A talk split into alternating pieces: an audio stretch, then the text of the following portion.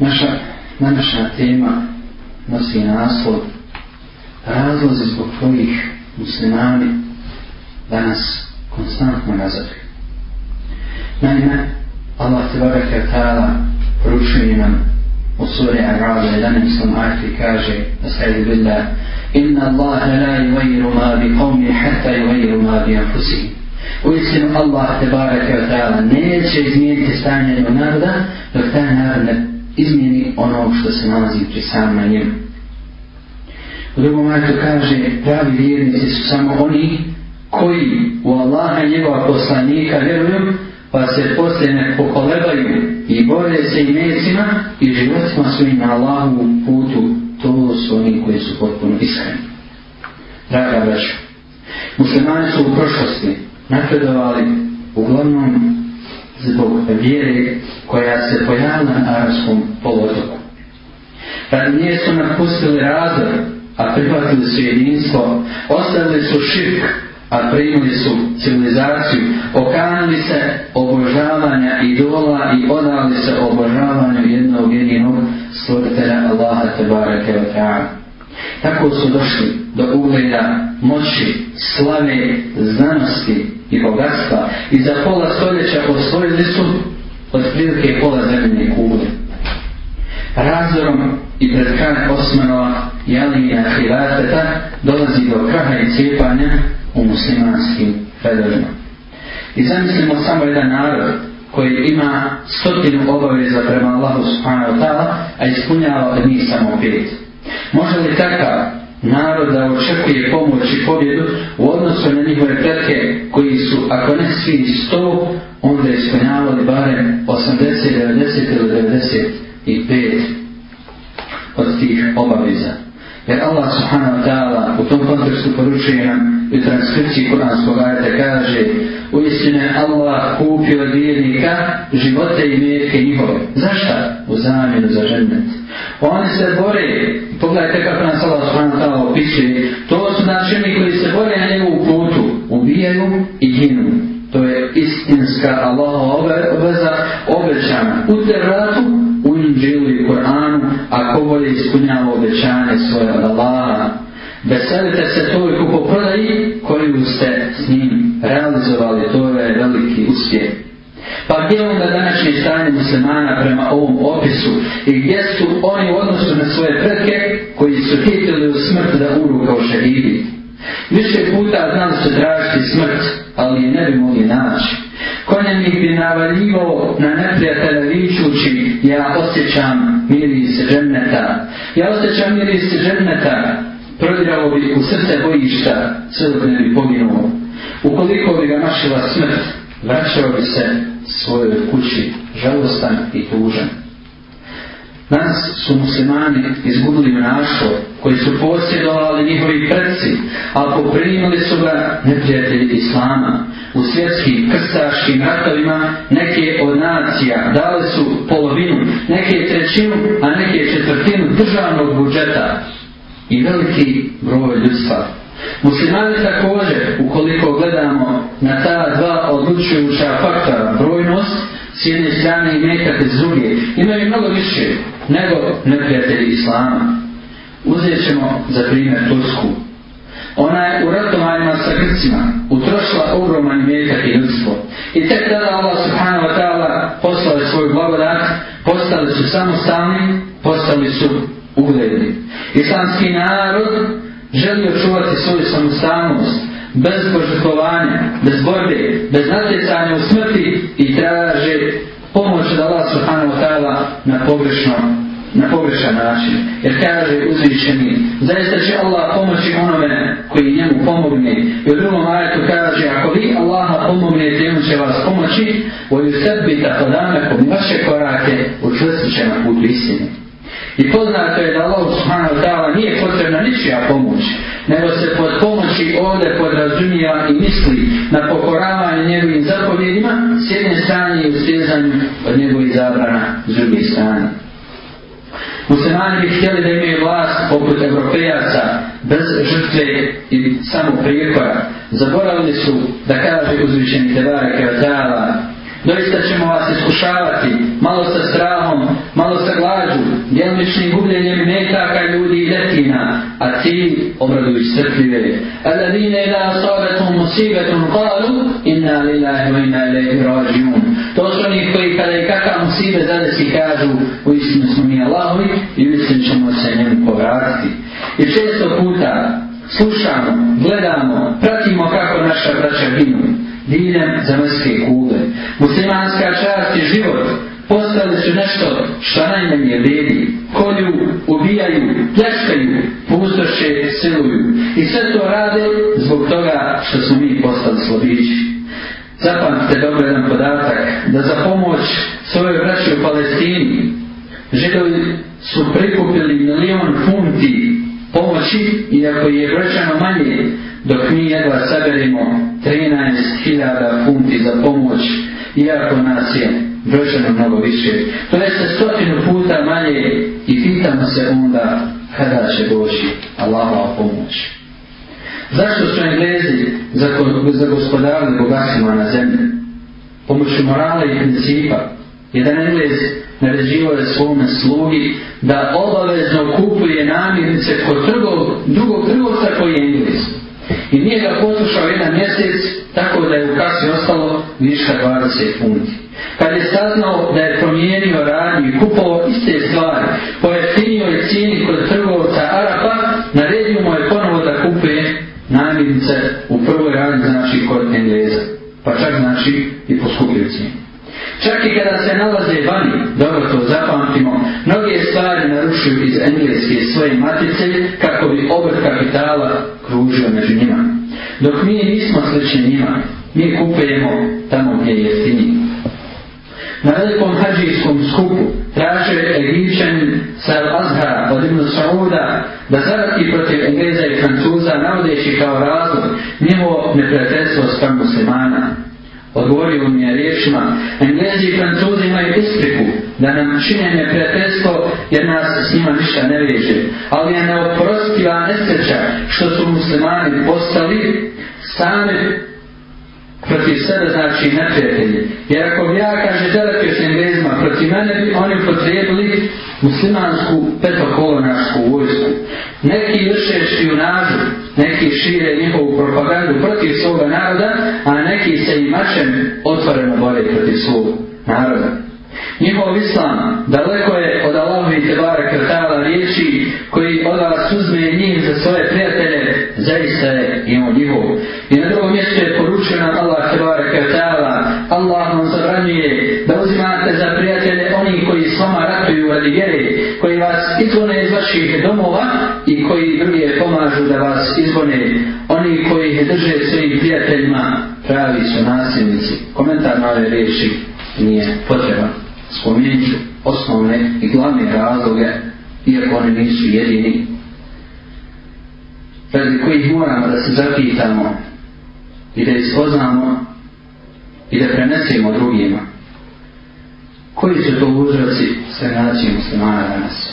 Na prvom mjestu i neizbježno jeste sanje, odnosno neznanje. Neznanje radi koje ima i oni koji ne znaju da razlikuju istine, pa zavode i sofizam primaju kao aksimumu koji se ne da nikako pobiti. Na drugom mjestu je da manjkavo znanje, a to je opasnije od prostog neznanja. Jer kada se neznalica namjeri na učenu vožu, poslušat će ga i neće mu mudrovati. Dok onaj koji je manjkavo obrazovan, on ne zna i ne može se uvjeriti u to da ne zna. Jedna poslovica kaže, bolje ti imati posla s potpunom budalom nego s polbudalom. A Omer radi Allah on ima je običaj da kaže da mi dođe stotinu učenih znači ljudi, ne bi se bojao zaći u raspravu sa njima. A što, što hoće da kaže? Ti meni dokaz, ja tebi dokaz. Pravi vijek će reći da njena labana. Čujemo i pokoravamo se. Nema rasprave. Međutim, kaže da mi dođe jedna neznalca. Ja se kaže pobojao da mi ne savlada. Jer ja kaže ne mogu doći do njegovog mozga. On ima svoju priču, svoj film i ne odstupa, ne odstupa od toga. Treći uzrok jeste moralna iskvarenost, koja je došla uslijed pomankanja onih vrlina na koje nas bodri častni Kur'an. Čovjek je rekao, narod sačinjava samo moral dok on postoji, nastajanje morala nestalo je i naroda. A u tome kontekstu Resul sallallahu alaihi wa sallam je rekao, izdavljam te sve hifas na maši. Ukoliko se ne stiviš, radi, šta god došliš, sve ti je dozvoljeno. Jer je šta stidio imanje.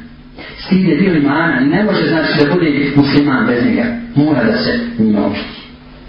Na četvrto mjesto jeste pokvarenost morala muslimanskih prvaka, koji mislili, i opet izvaram i kažem čast pojedincima, da je narod stvoren za njih i da mogu učiniti s njima šta god oni poželi.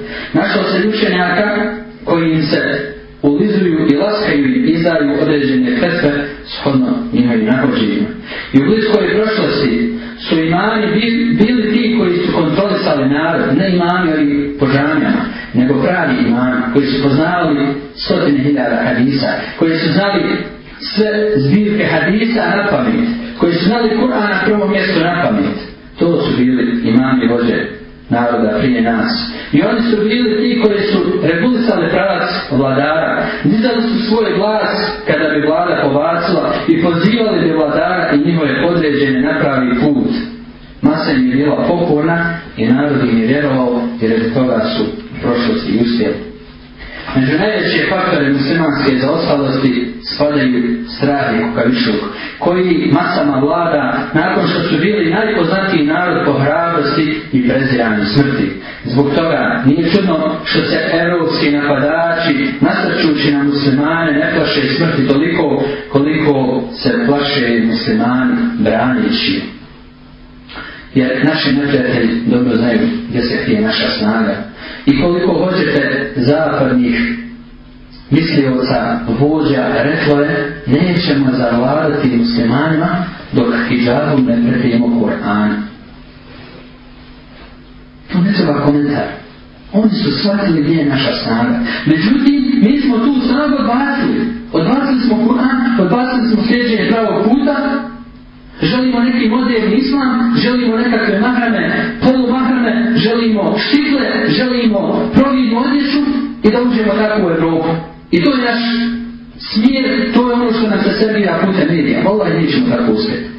Možemo samo blato za glit iz kojeg nema izlaza. I kogod tako misli, tu nas rar.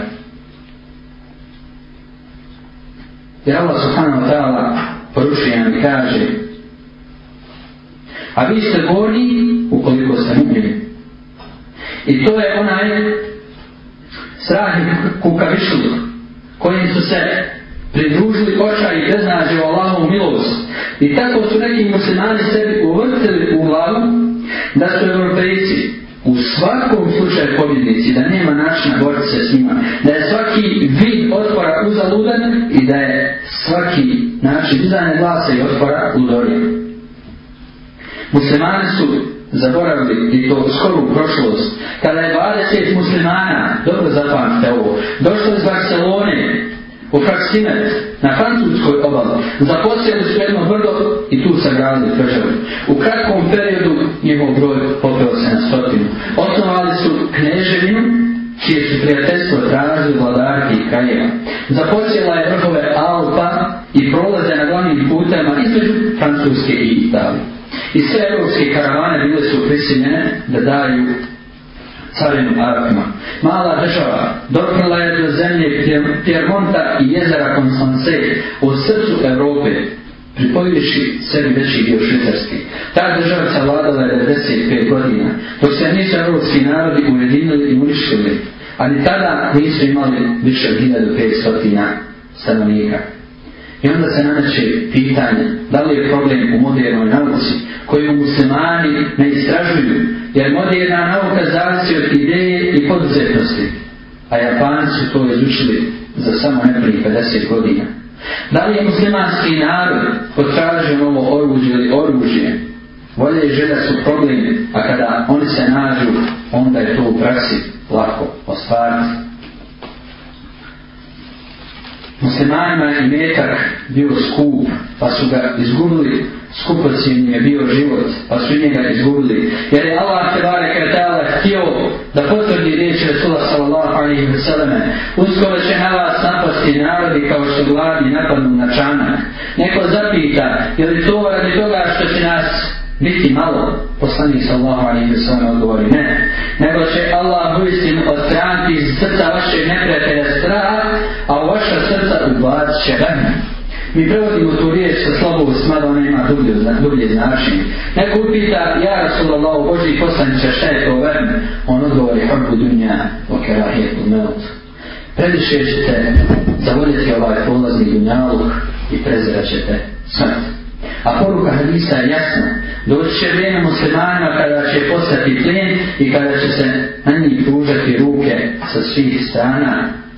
Ja vam najbolje zna da je možda ovo početak toga vremena koje mi proživljamo.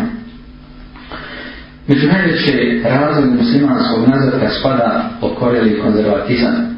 I kako god suza islam, pogubni oni koji hoće da dokinu sve što je staro, bez obzira da li je štetno ili korisno, tako isto su pogubni za islam i konzervativci koji ni u čemu ne trpe promjene, bez obzira bilo one napredne i efikasne ili ne. I zašto je evropski kontinent sad kršćanski? Zašto se svakom prilikom diči svim kršćanstvom? Zašto je složan u tome svome poslu?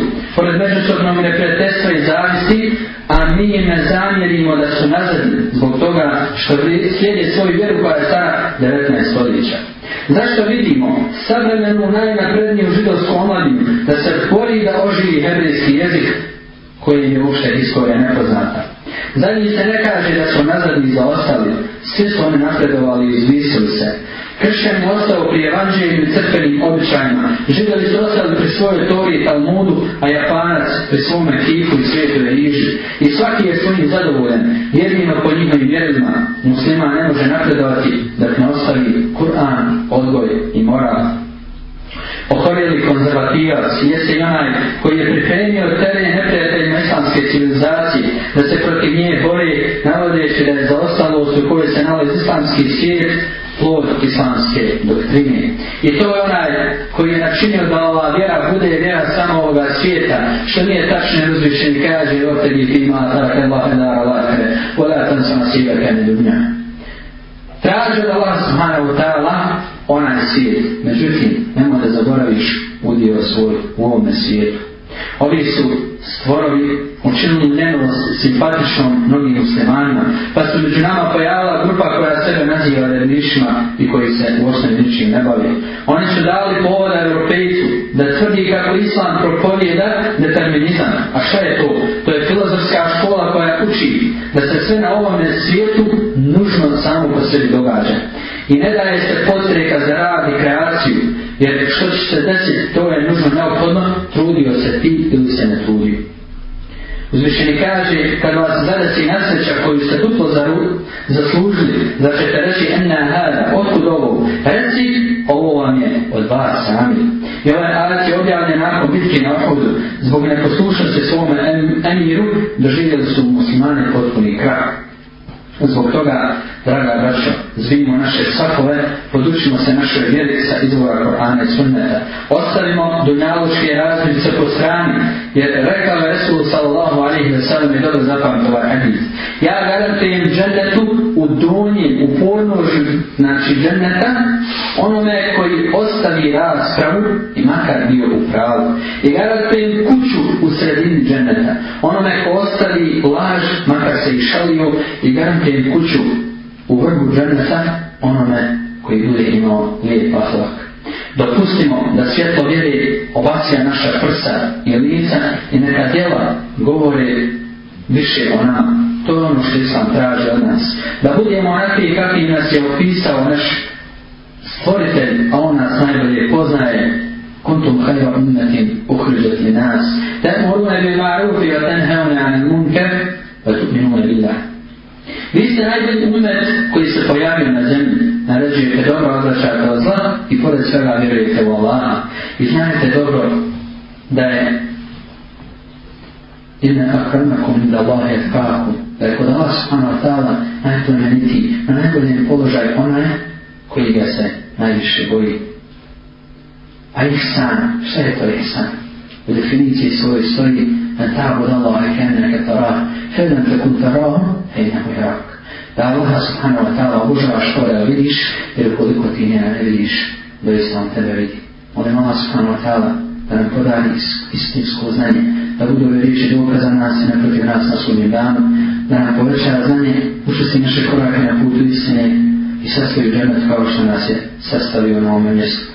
اللهم اهدنا فيمن هديت وعافنا فيمن عافيت وتولنا فيمن توليت وقنا واصرف عنا برحمتك شر ما قضيت فانك تقضي بالحق ولا يقضى عليك انه لا ذل من واليت ولا عز من عليت تبارك ربنا وتعاليت ونسجد صلوات رسول محمد صلى الله عليه وسلم نزبورت surokeh za koje je rekao Resul sallahu alaihi wa sallam onaj koji je budi pručio da dan petka, a šta je dan, dan je do akšama, iz akšama kod muslimana nastupa noć, Dok će nas uvijek dan bez njegovih nogu će sijati nur i bit će poznat po tome. Preko ovo molim Allah za oprasnutega i neka je za ime naša dola. Hvala Allah, gospodaru svih svijeta, ovakvim sve.